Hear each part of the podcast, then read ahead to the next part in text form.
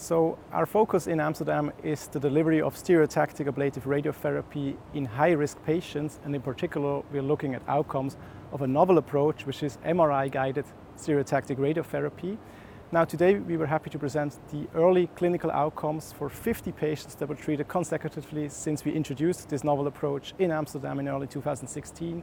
So we're really trying to see who will benefit from a very novel approach which introduces MR imaging into the radiation oncology workflow, meaning we can adapt our treatment plans on a patient's anatomy on a daily basis.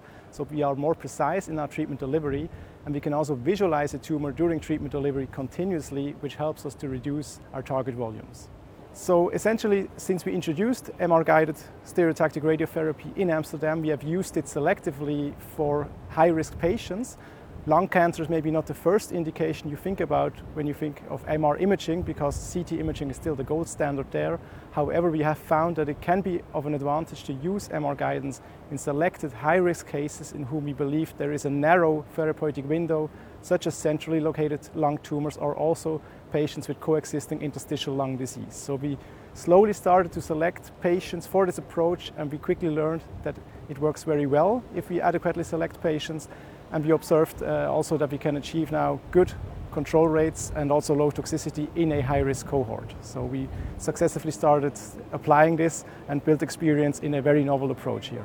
So the main results in the first 50 patients or 54 lung tumors that we have treated is that we can achieve good early tumor control rates, which are above 95% at 12 months. And actually all the recurrences that we did observe were in cases that had an inherent risk of recurrence, such as re-irradiation cases or colorectal cancer metastasis. So that is very encouraging. Of course, we also have to consider the follow-up is still quite short with a median of 18 months. However, we believe it is very important to look very critically at these early outcomes because there are always risks involved in the introduction of novel technologies, which is why we have to be careful when we just use a novel technology in these patients.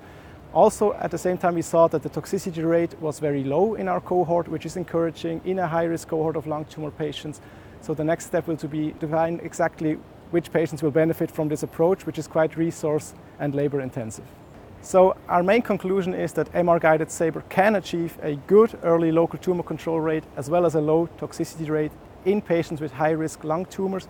This is of course very encouraging, but at the same time we need to be very aware that this is a resource and labor intensive approach. Not every patient with lung tumors will need this approach, so we will need to precisely define the benefits and adequately select the patients who may benefit from MR guided SABR. So those are really the next step that we'll have to take in the future.